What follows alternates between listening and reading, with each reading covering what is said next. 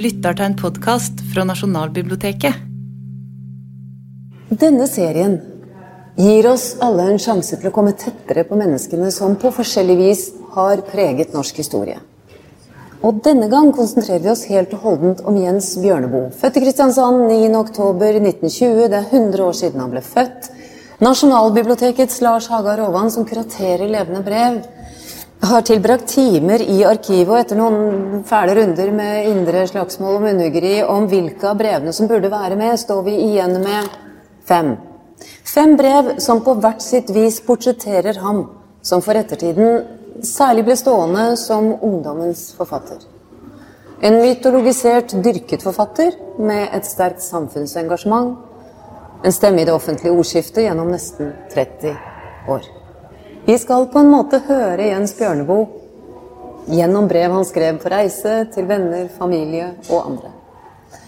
Så har vi gode hjelpere som vanlig med oss til dette.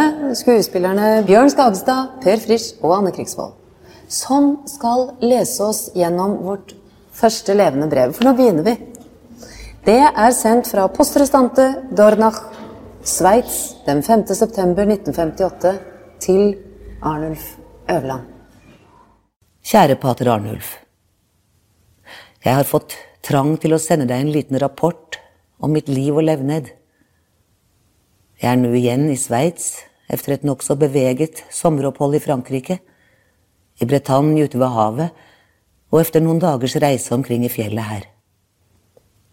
En stund var jeg også i Paris, men byen er for stor og for nervøs til at jeg ville velge å slå meg ned der for lengre tid. Iallfall ikke foreløpig. Mest setter jeg pris på landsbyer, en vidunderlig sosial form som vi dessverre ikke har i Dagbladlandet, med en stille hovedgate, fjøs og staller og bolighus om hverandre, med vertshus og brønn med evigrennende springvann. Gamle, gamle landsbyer med store løvtrær osv. I det hele tatt ligger det meg mindre og mindre på hjertet å følge med i tiden. En av mine hovedoppdagelser ved mine ekspedisjoner omkring i Europa består i anelsen om at det har bodd mennesker før meg i denne verdensdelen. Av en eller annen grunn blir denne kjensgjerningen holdt hemmelig for norske skoleelever og studenter, for journalister, forfattere og den store allmennhet overhodet. Samtidig bedriver jeg studier i norsk historie, som amatørkirurg, naturlig nok, og har måttet slå fast at også i Norge har det en gang bodd folk.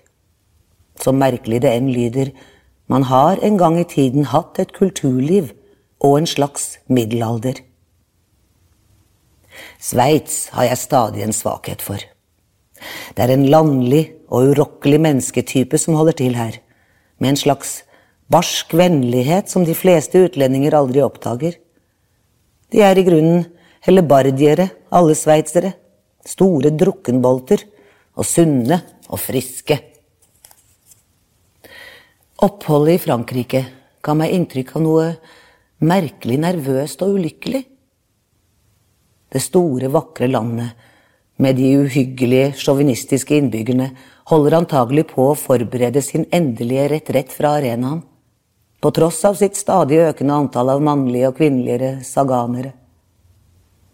Når man kommer fra Sveits til Frankrike, opplever man allerede 100 meter over grensen en helt annen privatfrihet enn i rytlimennenes land. Man kan gjøre nøyaktig hva man vil.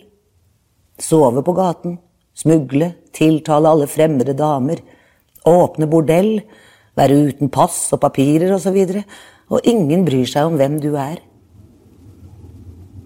men allikevel blir man smittet av en slags allmenn bedrøvelse, en slags uuttalt landssorg. Det er som om noen nettopp er død, og man av den grunn har unnlatt å male husene og feie gatene. Osten, vinen, grønnsakene er gode, men det hjelper ikke. Det hjelper ikke mot sorgen som har kommet. Slik føler jeg meg der. Jeg blir nå en måneds tid til i Sveits, og reiser så til Italia igjen for vinteren. til en lang, mild eftersommer uten turister og uten politisk gjøgel. I Italia blir alt hurtig glemt og strøket ut. Det er som om folk gjennom 3000 år har tilegnet seg en overmenneskelig evne til å konsumere historie. Naturligvis var Mussolini fæl, men Nero var heller ikke til å spøke med, osv. Det er den egentlige stemningen i Italia, og hele fortiden står intakt der. Hele verdenshistorien ligger i synlige lag ovenpå hverandre, og man glemmer aldri at alt som har vært av betydning i Europas historie, det har egentlig skjedd der. Fra Odyssevs reiser over Donatellos oppdagelse av menneskekroppen til den første atomsprengningen. Ovenfor Rom kan man fiske store, deilige ørret ved Subaccio, hvor Nero, den avdøde keiser Nero, satte yngelen ut i sin tid, direkte importert fra Nilen. På Norge tenker jeg sjelden, og når jeg gjør det, er det ikke noe morsomt. Jeg føler såpass mye at jeg vet hvilke redsler dere nå har å kjempe med i språkkampen. Fy pokker for et sted. I Italia har jeg den plan å bo i Rom det meste av vinteren, eller iallfall høsten og så pusle meg sydover efter jul en gang, til Sicilia og til sydspissen av fastlandet. Det er det ene. Det andre er at jeg helst vil gjøre alvor av å prøve å finne et sted å bo fast der. Helst i Toskana, i en gammel by. Jeg vet ikke riktig hvor. I mitt privatliv hender nå ingenting lenger. Tiden står stille omkring meg, og mitt indre liv er som en planet for seg selv i det rommet. Det er en liten forskjell mellom dagene, og jeg lever sterkt i det jeg ser. I gamle hus, museer, kirker osv. Det er i grunnen det eneste jeg reagerer særlig på, og som angår meg nevneverdig. I Italia har jeg de ideelle omgivelser, fordi de svarer nøyaktig til min indre tilstand. Å se en renessansebygning eller et antikt tempel er som å se utenfor meg selv i rene former det jeg går og tenker på. Hvis man da kan kalle det å tenke. Jeg bruker all kraft på å skrive, og jeg har to store planer foran meg. Den ene er jeg midt oppi. Olaf den hellige, som jeg en gang har nevnt for deg. Det andre blir igjen en roman. Ellers har jeg to bøker ferdige til høsten hos Cappelen. En liten diktsamling som burde vært større og bedre. Og en liten harmløs solskinnshistorie av en roman fra Syd-Italia. Helt snill. Romanen er kanskje ikke noe særlig å feste seg ved, annet enn at jeg har lært litt ved å skrive den. Men diktene, så få de er, de ligger tungt på samvittigheten. Det er ikke noen homogen bok. Men det er to-tre gode dikt der. Romanen er kanskje ikke noe særlig å feste seg ved, annet enn at jeg har lært litt ved å skrive den. Men diktene, så få de er, de ligger tungt på samvittigheten. Det er ikke noen homogen bok, men det er to-tre gode dikt i den, og allerede det er meget. Men den skulle ha vært homogen det hadde vært mulig hvis jeg ikke hadde vært så fordømt slapp og utmattet helt inntil efter nyttår, da jeg sendte manuskriptet fra meg. Siden den gang har jeg skrevet ett dikt, og det er ikke ferdig engang. Uten særlig bekymring ser jeg kritikken i møte. Jeg vet hvordan den vil bli, og jeg kunne nesten skrive hele dritten selv, under pseudonym Pål Brekke og hva de nå heter. Jeg har på forskjellige ting fått fornemmelsen av at aksjene mine står ganske lavt nå. Det berøver meg på ingen måte følelsen av å befinne meg i en nådefrist. At det stadig lar seg gjøre å reise omkring her nede, det forstår jeg nesten ikke. På en eller annen måte må det da være forbudt. Det er for godt til å være sant og jeg føler meg som om jeg ligger på ryggen og driver i et hav av friskt, blått vann med Norge langt nede bak horisonten. Jeg skulle gjerne se André her nede i vinter. Men han tør jo ikke reise ut. Jeg begriper det ikke. For det er jo en del av hans utdannelse som han der gir avkall på. André har ikke den kraft at han kan sitte i Norge, uavhengig av omgivelsene, og opprettholde det indre nivået som hans egentlige arbeid kan foregå på. Flere barneregler og limericks, flere utmerkede oversettelser. Jeg ville for lengst ha tatt livet av meg ved siden av en slik produksjon. Slik går det altså i Norge. Man måtte være sterk som et kastell, av sten fra topp til tå, med vollgrav og vinderbro, for å forbli uantastet av Oslo-miljøet. Du er vel den eneste som har klart å holde riddersal og tårnkammer stengt for krapyle, tvers gjennom hele demokratimobbens tid. Forresten har det alltid vært slik. Man må befeste sitt kastell, ellers kommer de og setter fotefar på gulvet. I byene ved Amalfi-kysten er jeg godt kjent, og hvis du vil, kan jeg leie en leilighet til deg der for et par vintermåneder. Bekvemt, rimelig, i solskinn og ved havet. Og hente deg med bil på den flyplass eller jernbanestasjon du måtte ankomme ved. Man kan lage aldeles utmerket te der. Det kan jeg sverge på. Ha det godt. Hils Margrethe hjertelig fra meg, og ha fred over ditt hele hus.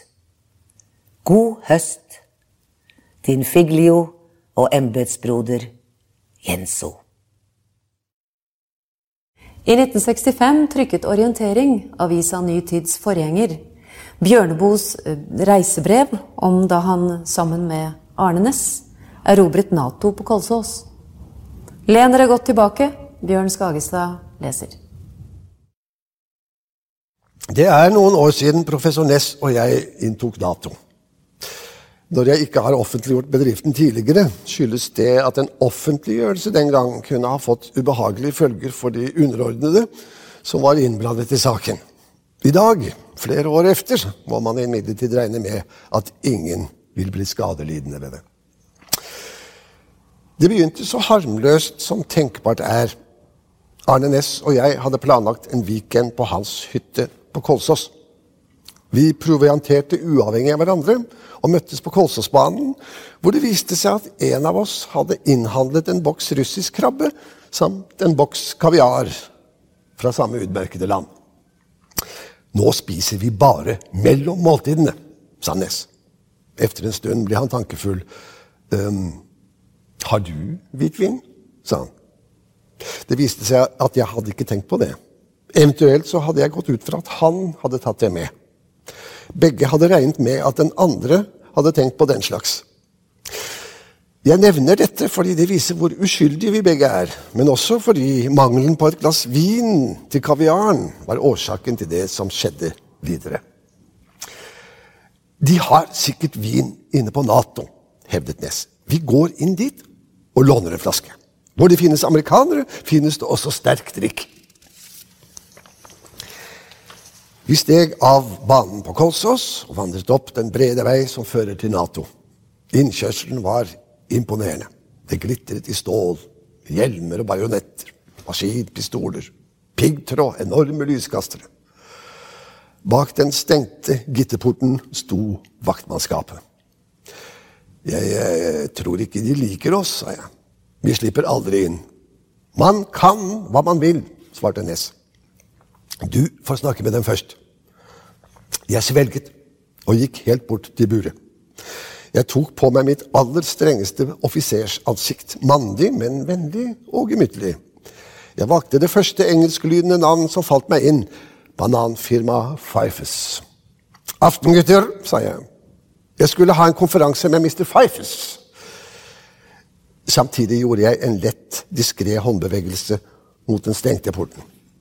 Døren åpnet seg, og Arne Næss og jeg skred inn mens vaktene gjorde honnør. Og vi nikket vennlig, men med anstand, og hilste med hver vår pekefinger mot tinningen.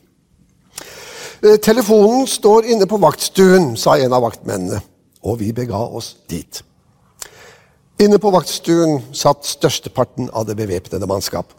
Ness klappet et par av dem faderlig og med militær ømhet på skuldrene. Han ytret seg vennlig. Nå, gutter, hvordan er forpleiningen, da? Trives dere her? Med grunnlagsforskerens saklighet innledet han en samtale om den tekniske side av bajonettangrep. De hadde forferdelig mange geværer på seg. Selv gikk jeg til telefonen og ringte opp sentralbordet, som jeg ba om å gi meg direkte forbindelse med Mr. Fifes. Ved sentralbordet visste ingen hvor den gamle gutt Fifes befant seg for øyeblikket. Det var endog tvil om noen hadde sett ham på en stund. Jeg ba dem om å ikke gi det opp, men lete videre etter han, ettersom det dreide seg om en viktig samtale. De fant ham ikke. Jeg sa med høy stemme at da måtte jeg nok se efter selv, hvorpå jeg la mikrofonen på. Vi tok farvel med de væpnede styrker og gikk videre mot neste bastion. Der talte Dess. Det var en ny, bevæpnet sperring med nye, fryktinngytende vaktposter. Ness tok ryggsekken sin av seg, holdt den frem. Uh, hva tar dere i garderobeavgift her, da, gutter? Han rakte dem sekken, smilende, men med verdighet. Det slo meg i hvilken grad han faktisk lignet en høyere offiser i sivil. Vaktene smilte, lykkelige over at vi talte så bramfritt og demokratisk til dem. Jeg understreket forbrødningen ved å ta av meg min sekk også. Stålporten ble åpnet under bajonettblink. Under stram og tillitsfull giv vakt slentret vi spenstig inn mellom dem. Sekkene satte vi fra oss på innsiden. Ta godt vare på dem, fortsatte Ness. Ingen vet hvem som vanker her. Vaktene smilte og rettet ryggen enda strammere. Det var mørke omkring oss, bortsett fra de steder som var opplyst av skarpe lyskastere. Vi gikk videre. Det var bare å følge veien, så kom vi til den tredje og siste sperring. Den var mindre imponerende enn de tidligere. Det var min tur nå. Helt på slump valgte jeg noe som jeg syntes måtte passe til situasjonen. Jeg beklager, gutter, men eh, jeg har glemt passersedlene. Dere kan få dem siden. Jeg smilte bredt, men belevent for det tilfellets skyld at det ikke fantes slike ting som passersedler. I så fall kunne det med sedlene gå for en slags kollegial soldaterspøk. Det oppsto ingen problemer. Vaktmennene var snille og åpnet høflig for oss. De hilste pent. Og det kan være på sin plass i denne sammenheng å føye til at man ikke kan eh, beklage seg over manglende høflighet hos de unge medarbeidere innen Nato i Norge. Det var først og fremst hos hotellfagets folk vi møtte mistro og motstand. Vi var nå like ved hovedbygningen. Det var mørkt og koselig. Vi kunne ha lagt et dusin bomber langs veggene, tent omhyggelig på luntene til dem, og deretter gått vår vei igjen. Men slik tenkte vi ikke på. Isteden gikk vi til hovedinngangen, åpnet døren og gikk inn i vestibylen. Der sto en portier for å ta imot uniformsfrakker og andre ting. Han var sivil. Han så på oss, og noe foregikk i ham. Han tenkte. Unnskyld, sa han. Hva i all verden gjør de her? Vi bare er her, sa jeg. Vi smilte. Men han smilte ikke igjen. Han så kjølig på oss. Det var ingen tvil om hva som hadde skjedd. Vi var oppdaget og avslørt. Vi hadde forsert mengder av væpnede styrker og vaktposter. Vi hadde overlistet et sinnrikt alarm- og vaktsystem. Men nå sto vi her, foran en uniformløs portier. Hva maskinpistoler og piggtrådsperringer ikke klarte, det formådde denne elendige sivilist fra hotellfagbransjen. Han hadde tenkt på egen hånd. Vi skulle bare ha en flaske vin, sa professor Næss. Vær så snill å hente øverstkommanderende på stedet. Kommandanten! Il kommandante! Mannen ble hentet, og det gikk virkelig hurtig. Som et bajonettangrep kom Il Kommandante stormende nedfor trappene. Hvordan kom de inn her? Ropte han. Perpedes, svarte Ness. Til fots.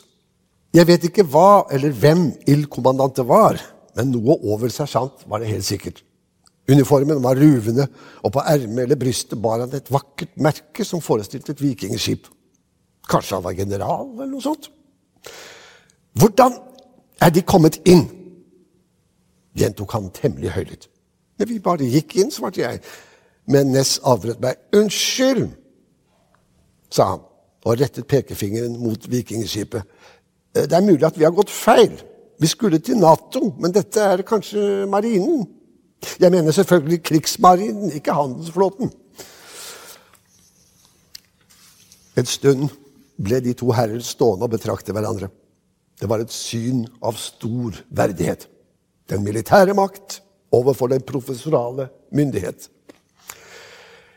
Mener de at de helt enkelt er gått gjennom portene? spurte generalen tvilende. Selvfølgelig, svarte Ness. Hvordan skulle vi ellers kommet hit? Har de sett all den piggtråden der ute, for ikke engang å nevne maskingevær og bajonetter? Hva er deres navn? sa generalen. Arne Næss, professor i filosofi ved Universitetet i Oslo. Generalissimus vendte seg nå mot meg. Og deres? Jens Bjørneboe. Jeg skriver litt i avisen og sånn en gang imellom. Det skjedde en slags forvandling med Il Generalissimo. Han smilte, men smilet var skjevt og blekt. Og øh, hvorfor er de kommet hit?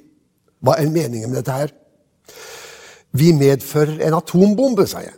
Men den er ikke noe å være engstelig for. Det er ikke av den store typen, det er bare av den taktiske sorten. Den gjør ikke særlig vondt. Ness avbrøt meg på ny. Ikke hør på ham, sa han. Han bare spøker.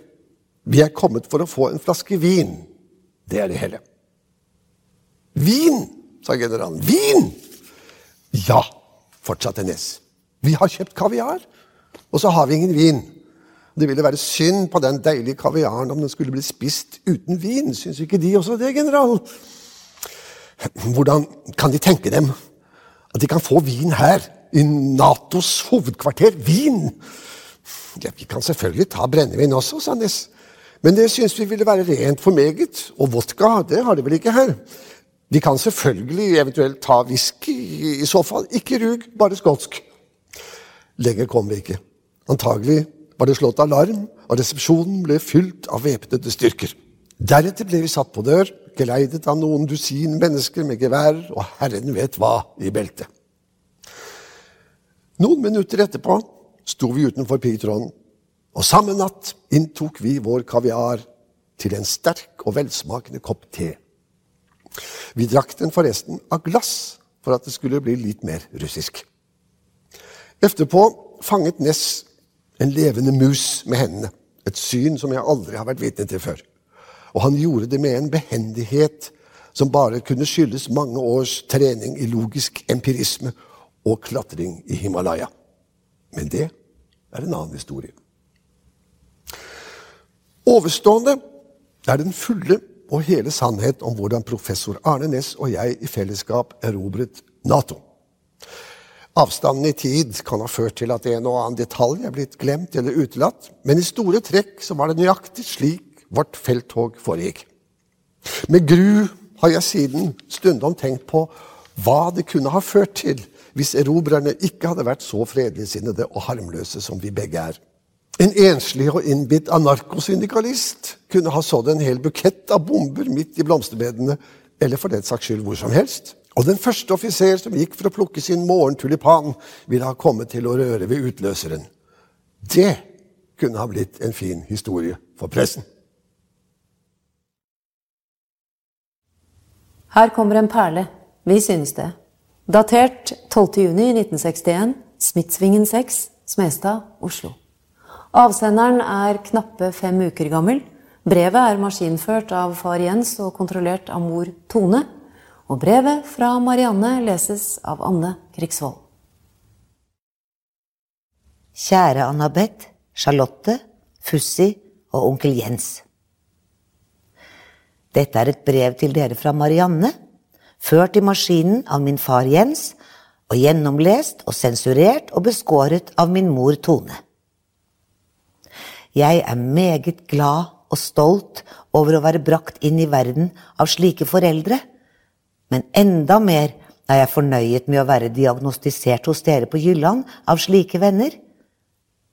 Jeg håper snarest å kunne se dere her i sommer, da det er lenge siden vi har snakket sammen. Dere er jo alle kommet til verden en god stund før meg, og jeg har lengtet efter dere hele tiden. Mellom oss sagt, det ble ikke mange fornuftige igjen her oppe i himmelen efter at dere dro til jorden. Meget, meget glad er jeg over pleddet som dere sendte meg, og jeg takker dere så hjertelig for det. Det er varmt, og det er vakkert, og man trenger noe å varme seg med på jorden, særlig i Norge. Jeg er et meget vakkert barn. Litt undervektig ved fødselen, men jeg legger veldig på meg. I løpet av tre uker steg jeg med nesten 50% av min egen vekt.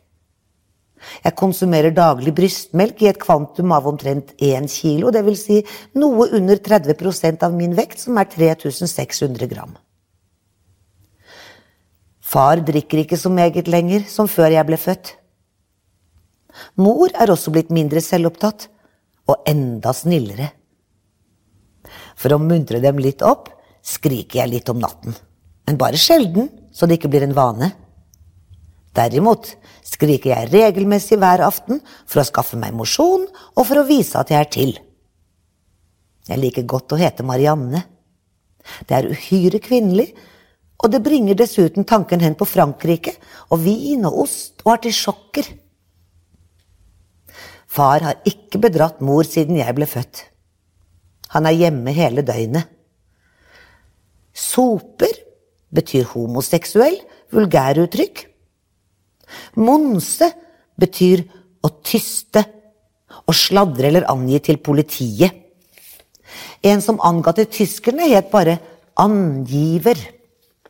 Krim. Uttrykk. Spila er et klengenavn som bringer tanken hen på noe langt og tynt og spist. Jeg er glad over at dere oversetter min fars siste bok. Den er nå også solgt til Finland og Tyskland. Om noen dager sender han dere en artikkel om norsk rettsliv, frifinnelsen og rettssaken mot de to svinske overkonstabler. Min bror Pus Ducha Antonio de Ikea fikk forleden brev ifra en dansk hundkatt, men han svarer ikke på det fordi han er så trett efter løpetiden sin tidligere i vår. Han er blitt innblandet i en farskapssag nede på Ekely, hvor mor og far bodde omtrent inntil jeg kom til verden. Nå har vi enebolig, og mor sier at nå er det slutt på svangre kvinner og fulle menn. Jeg synes min far er en meget god forfatter, og at han snart må bli verdensberømt. Har dere sett Mykles annonse i Dagbladet? Han er blitt helt alminnelig sinnssyk, dessverre. Far har bare nevrose. Mor feiler nesten ingenting. Hun er bare litt rar av seg. Hun. Verre er det med mine bestemødre. Pus har fått matnevrose, stakkar. Impotent. Jeg forstår ikke hvorfor jeg, som er unnfagnet på Ikea, skulle bli født akkurat i Norge. Men det er i alle fall sommer nå. Nå må jeg stoppe, for far har skrivemaskinhemninger for tiden. Hils England, Charlotte, og skikk deg vel der borte. De har verdens dårligste kjøkken, men av og til kan du gå på italiensk restaurant og spise menneskemat. Gratulerer med filosofikum. Den 14. juni, altså i overmorgen, skal min far i retten igjen. Igjen, takk for pleddet. Det er deilig, mykt og varmt og vakkert. Ta vel vare på dere selv, deres hengivne Marianne. PS. Skal hilse fra min far. Han har to nevroser, sier legen. En manisk depressiv, som er konstitusjonell, og en aktual. Hjertenevrose. 10. oktober 1973. Dagen før fylte Jens Bjørneboe 53 år, og han skriver her til en av Norges vesentligste litteraturkritikere i sin tid, Philip Houm. Fullt navn Philip Morris Rode Houm. som dette året ga ut debattboken Du skal ikke sove. Vårt siste levende brev i denne omgang er skrevet i Norengveien 1, Billingstad i Asker. Per Frisch leser. Kjære Philip Houm. Takk for din bok. Pussig nok lå Jungs Mitt liv og Holmbergs Den usannsynlige virkeligheten på bordet da jeg pakket den ut. Der lå også Kai Skagens Mellom partikontoret og supermarkedet, som du bør titte på, hvis du da ikke allerede kjenner den. Skagen representerer en antimaterialistisk holdning som er temmelig bevisst til stede hos mange unge mennesker i dag. Noe jeg får et nesten daglig inntrykk av gjennom de senere årenes flom av brev fra unge lesere, og som etter hvert har brakt meg et nesten uutholdelig ansvarsforhold til mitt publikum. Hva har jeg å by dem, utover en ubarmhjertig og vittig samfunns- og samtidskritikk i essayene og bestialitetens historie i skuespill og romaner? Åpenbart noe jeg ikke vet om selv. Faktum er at de kommer og vil være både sønner og elskere. De bruker også et vokabular som er hentet både fra Eros og Agapes områder. Ord og uttrykk som man ikke ville tiltro unge mennesker i et land med et så koldt og fuktig klima. Selvfølgelig er kjærligheten gjensidig. Hvordan skal en pen og pyntelig forfatter reagere på å motta brev som åpner med tiltalen 'elskede mann', eller med 'dette er et kjærlighetsbrev'? Eller som for et par dager siden 'Jeg er din sønn, og du er min far'. Jeg har snart ferdig en bok. Den skal tilegnes min far Jens. Det er en tone i disse henvendelsene som ville være sannsynlig i romantikkens Tyskland, men i dagens Nato-Norge. En av forklaringene på at en hel generasjon så å si fysisk trykker meg til sitt bryst, tror det være at bak alt jeg har skrevet, ligger et uuttalt metafysisk, åndelig livssyn som jeg hittil ikke har hatt tilstrekkelig erfaringsmessig, empirisk dekning for til å kunne skrive direkte om. Jeg har det først nå.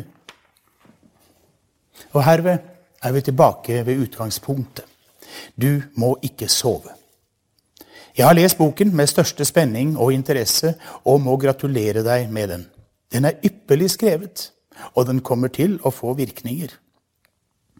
Pga. min egen indre og arbeidsmessige situasjon er jeg også voldsomt opptatt av det religiøse og i det hele tatt rent åndelige spørsmål, noe som for de kommende generasjoner ligger i luften og ikke er teori, men eksistens. I din bok har jeg ikke funnet noe jeg er uenig i, men jeg har nok avskrevet Kirken i høyere grad enn du gjør. Jeg anser både katolisismen og protestantismen som åndelig syke, dvs. Si som onde impulser. Og jeg tror at i neste århundre vil de begge ha abgewirtschaftet. På norsk har jeg nesten ikke skrevet noe om dette, bortsett fra forordet til pakstutgaven av Deschner med Gud og fascistene. Derimot har jeg på tysk skrevet tre essays i to antologier på forskjellige forlag, Warum ich aus der Kirche ausgetreten bin og Das Christentum in Urteil seiner Gegner. Blant annet om Rilke og om Øverland. Jeg hadde planer om å skrive en liten supplerende lærebok om kirkene fra den underslåtte kirkehistorie med tittelen Fader vår. Men jeg har gitt planen opp. Jeg orker ikke mer bestialitet. Og for meg er en mann som biskop Lønning bare åndelig motbydelig. Et slags kulturelt slimdyr. Hallesby et rent psykotisk fenomen. Og teologien en form for vitenskap som utelukkende kan fortjene en viss psykiatrisk oppmerksomhet. Jeg er kort sagt ikke rette mann til å ta meg av kirkene. Du derimot ser jo alvorlig, tålmodig, grundig og, jeg hadde nær sagt, med en viss forståelse på disse siste apostlers gjerninger. Og det er godt at du gjør det, så får de ikke dø i synden.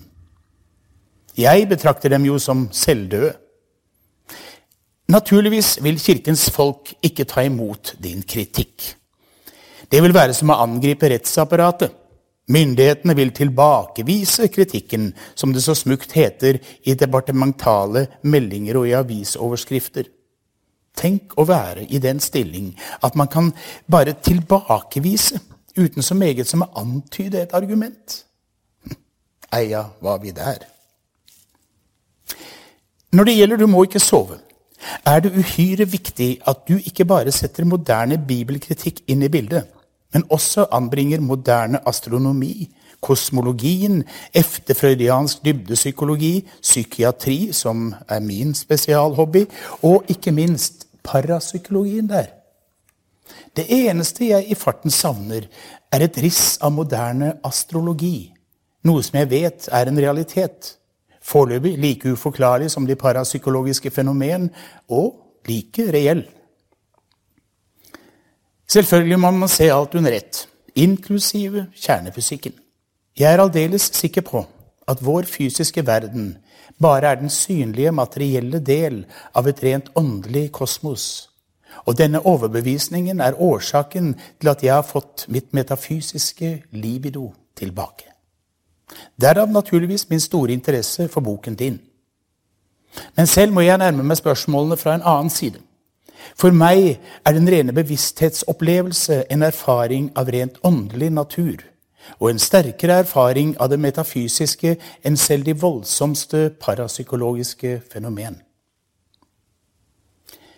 Den aller siste tiden har forandret hele mitt liv. For å si det rent ut jeg har opplevd et mirakel. Riktignok et mirakel som jeg har hørt om og lest om, som jeg altså visste om, men ikke opplevd på kroppen før nå.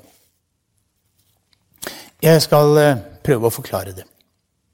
De siste årene, særlig 1972 og 1973, har vært den verste tid jeg har opplevd i mitt liv. Særlig har 1973 vært et kriseår som brakte meg til det ytterste av hva jeg tålte. Det dreide seg om en voldsom, ca. 15 år gammel depresjon av endogen art, les fortvilelse. Dessuten om en mangeårig overanstrengelse og til slutt et totalt sjelelig sammenbrudd.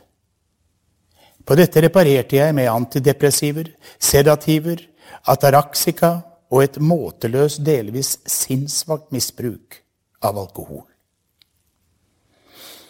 Aldeles ubegripelig er det at det ble til to nye bøker i denne tiden, i 1973. Skuespillet 'Tilfelle Torgersen' og siste bind av bestialitetstrilogien 'Stillheten'. Og ingen av dem er dårligere enn hva jeg ellers har skrevet. Skuespillet, som ble utsendt i bokform i april i år, fungerte aldeles utmerket på scenen, og oppførelsen var en massiv suksess, både for regi og stykke. I slutten av oktober foreligger Stillheten ferdig til slakt. Naturligvis har det årelange ubetalte slitet med Torgersen-saken slitt hardt på meg. I slutten av januar i år avsluttet jeg stillheten. Skuespillet var ferdig til trykning, og min oppgave med Torgersen-saken, å samle hele landets oppmerksomhet om den, var gjort. Den gikk nå over i sin juridiske fase. Disse tingene utløste min egen sluttfase, det totale sammenbrudd. Resten er alkohol. Stillheten har nesten drept meg. Under et klinikkopphold siden oktober i fjor har jeg hatt syv slike innleggelser. I mai gikk jeg på ny to ganger energisk gjennom manuskriptet. Jeg har aldri skrevet en bok, og nå begynner det å bli mange, som har slitt sånn på meg som stillheten. For meg var arbeidet en blanding av helvete og galehus. Juni-juli lå jeg ute i en kjellerleilighet og drakk. Nøyaktig den 23. juli sluttet jeg å drikke, og har siden da ikke hatt problemer med alkohol. Men selvfølgelig er jeg ytterst forsiktig med enhver form for vin og spirituosa. Mitt eh, overforbruk vil nok ha årelange eftervirkninger. I edru forfatning fikk jeg en ny klinikkinnleggelse som varte 67 uker. Jeg kunne ikke arbeide, men hadde anledning til å benytte overlegens fagbibliotek dvs. Si de senere årtiers psykiatriske alkoholforskning. Så jeg leste nesten uavbrutt dag og natt. For noen uker siden flyttet jeg hjem, og plutselig kunne jeg arbeide igjen. Jeg var riktignok revet helt i stykker innvendig, men avgjort i livet. Jeg var fysisk meget svak, svimmel og dødsens trett, men begynte å få forstandens bruk tilbake. Jeg skrev en ny scene i et skuespill jeg holder på med. Jeg må gjenta det siste året er det forferdeligste, det grusomste av alt jeg har vært med på i mitt liv. Den merkelige godheten, sympatien og kjærligheten som jeg har møtt hos massevis av unge lesere de siste årene, var naturligvis en sjelelig trøst, men det var ikke nok. For øvrig har den også vært en trøst for mine forleggere. Det må på sin måte også kalles et mirakel at skuespill og essaysamlinger og gamle bøker ellers trykkes i stadig nye opplag og selges i nye tusener. I et av de siste lesebrevene fra en ung mann står den monumentale setningen Det er ingen andre mennesker jeg er så glad i som deg. Naturligvis er dette som vin og olje i den overfaltes åpne sår. Men jeg er ikke blind for den livets djevelske ironi som også ligger i det. Brevskriveren skulle ane hvilken tilstand den elskede gjenstand i årevis har befunnet seg i. Den 23. september innfant mirakelet seg. Det som skjedde, var at jeg fikk tilsendt siste korrektur av Stillheten til aller siste håndspåleggelse. Jeg holdt på med den i to dager og skrev om de siste sidene. Det er et altfor svakt uttrykk å si at jeg leste boken med nye øyne. Jeg leste den for første gang. Og for første gang forsto jeg hva jeg hadde skrevet. Samtidig ble jeg klar over at boken hadde ført dit hen den skulle. Ordet bestialitet kunne byttes ut med det religiøse uttrykket skyld. Dermed er problematikken ført dit hen den skulle. Det ondes trolldom var brutt. Den var ved veis ende. Samtidig gikk det opp for meg at stillheten ikke bare er tredje og siste bind i en trilogi om bestialiteten. Den er avslutningen på et arbeid som begynte med den romanen jeg debuterte med, før Hanen galer, om de tyske medisinske, bl.a. kirurgiske eksperimenter med levende mennesker. Før Hanen galer utkom på norsk i 1952, altså 21, tre ganger syv år før stillheten. Jeg hadde da arbeidet med dette satans viviseksjonsmaterialet i ca. tre år. Med andre ord jeg har holdt på med det onde i 24 år og aldri sluppet det fra bevisstheten. I 24 år har jeg gått til fots gjennom helvete. Det er som om jeg har møtt Satan personlig. Og det har jeg vel også bokstavelig talt gjort. Det medførte trinn for trinn en stadig dypere fortvilelse. Og for å gjøre arbeidet grundig måtte jeg innta en helt bestemt holdning. En konsekvent, naturalistisk, nådeløs metode uten håp eller tro. Simon Weil omtaler ateismen som askese. Jeg er helt klar over at jeg verken kan forlange eller vente at noen som ikke selv har opplevd det samme, skal kunne forstå hvordan disse 24 årene har vært. Men det jeg vet i dag, det er at efter nesten et kvart århundre i helvete er vandringen slutt. Jobben er gjort. Jeg har gjort min åndelige verneplikt, og nå er jeg en fri mann igjen.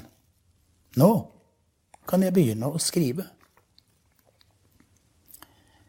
De siste 16 år av denne håpløshetens helvetesvandring har jeg drukket som besatt. Arbeidet er gjort så godt jeg kunne. Jeg har gjort mitt beste. Det er mulig at jeg ville ha skrevet bedre uten alkohol, men det er også mulig at jeg ikke hadde holdt det ut uten den angstdemper som vinen er. Herren vet. Det som skjedde i løpet av et par døgn med gjensynet med stillheten, var altså dette. En erfaring av en grenseløs befrielse og lettelse. Det var som å bli benådet og løslatt. Så fortsatte prosessen igjen, å vende tilbake til de levende, til livet. Samtidig fulgte en sterk utvidelse av bevisstheten. Den besto først og fremst i en opp opphevelse av meningsløsheten. Det gjelder både menneskehetens historie og fremtid, målet, og det enkelte individuelle menneskeliv. Begge deler har møte med seg selv som mål. I det enkelte menneskeliv betyr dette møte med ens egen åndelige kjerne, med det innerste, dypeste, ubevisste jeg, det udødelige åndelige sentrum i mennesket. For menneskets historie dreier seg om menneskehetens møte med seg selv i global forstand. Vi må dele kloden mellom oss i broderlighet og frihet. Frihet betyr også frihet til det onde. Ellers har ordet ingen mening. Dette menneskehetens møte med seg selv er påbegynt i dag. Det lever i ungdommen, og det lever i alle praktisk talt uløselige problemer jordens befolkning står overfor i dag. Materialismen, utplyndringen, undertrykkelsen, sulten, Latin-Amerika, Afrika, Asia og Russlands, Europas, USAs dødsdømte voldsherredømme. Veien til målet vil bli meget lang og meget blodig, men den vil føre frem. Denne tilstanden besto i en slags fred med verden og i at jeg hadde tilgitt Gud. Det er ikke en resignert fred, men en nesten munter, kamplysten fred. Det som så skjedde, finnes det mange ord for, hentet fra de forskjellige fagområder. Medisinsk, psykiatrisk vil man vel måtte si at den svære, nesten psykotiske depresjonen var forsvunnet uten registrerbare årsaker. Likeledes gjør den gamle angstnevrosen seg ikke gjeldende. Det nevrotiske alkoholmisbruket er opphørt fordi forutsetningene for det er borte. Det er imidlertid absolutt ikke tale om noen eufori eller noen manisk fase av en ellers depressiv legning. I det hele tatt har det ingenting med følelser eller noen form for ekstase å gjøre. Det er en tilstand av ro og klarhet. En tankemessig tilstand. Det eneste emosjonelle innslag er en følelse av takknemlighet og glede. I religiøs språkbruk ville man si gjenfødelse eller oppstandelse, påske eller kanskje pinse, dog uten tungetale. I kunstnerisk biografisk sammenheng kunne man tale om en livskrise med påfølgende fornyelse. Selv opplever jeg det som en nesten utrolig åndelig oppvåkning. Det er en sansning av en alt gjennomtrengende, alt oppbærende åndelig kraft. En enorm åndelig kraft som bærer og opprettholder alt. Fra et gresstrå over planetene som den holder i sine baner, til Andromeda-tåken og de fjerne stjernesystemer. Det omfatter også erfaringer av den samme åndelige kraft inni meg selv i min innerste eksistens, min åndelige kjerne. Det udødelige, som Goethe kaller entelekio. Tilstanden utmerker seg ved å være særdeles uhysterisk. Det får selvfølgelig svære konsekvenser for mitt arbeid, fordi arbeidet er eksistensielt. Det er et så å si ontologisk fenomen. Å skrive er å være. Summen er i 24 år har jeg studert og observert det onde i noen av dets frykteligste åpenbaringer. De neste 24 årene skal jeg skrive om det motsatte. Det vil si rette oppmerksomheten i en annen retning. Jeg føler meg som en skipper som etter en lang og forferdelig seilas åpner sine forseglede ordre og leser at han skal sette kursen hjemover. Dette er ikke noe jeg tror. Det er ting jeg vet. Her er vi altså ved din bok igjen, samt ved hvorfor den opptar meg. Det er altså den som har provosert dette lange brevet, så du kan takke deg selv for det. Jeg er i gang med en ny roman og gleder meg voldsomt til de kommende måneders arbeid med den. Med kurve oppover. For øvrig ønsker jeg deg glede av boken din og sender deg mange hjertelige hilsener. Din Jens Bjørneboe.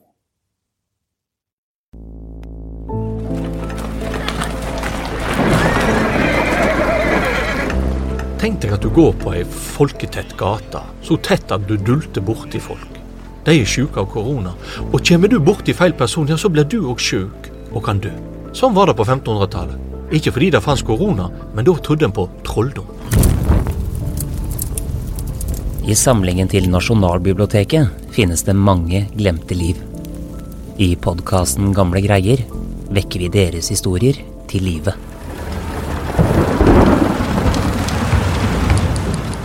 Dette er en historie om hvor langt mennesker kan gå i en nødsituasjon. Det er en eh, historie om en lang ventetid, om et veddemål og om et øsekar med blod. I sesong tre reiser vi tilbake til da frykten for hekser og trollmenn var ekte. Da en mann skulle gjøre Norge til en bilnasjon. Et dramatisk skipsforlis og mye mer. Følg med i podkastdrømmen din. Gamle greier er snart tilbake.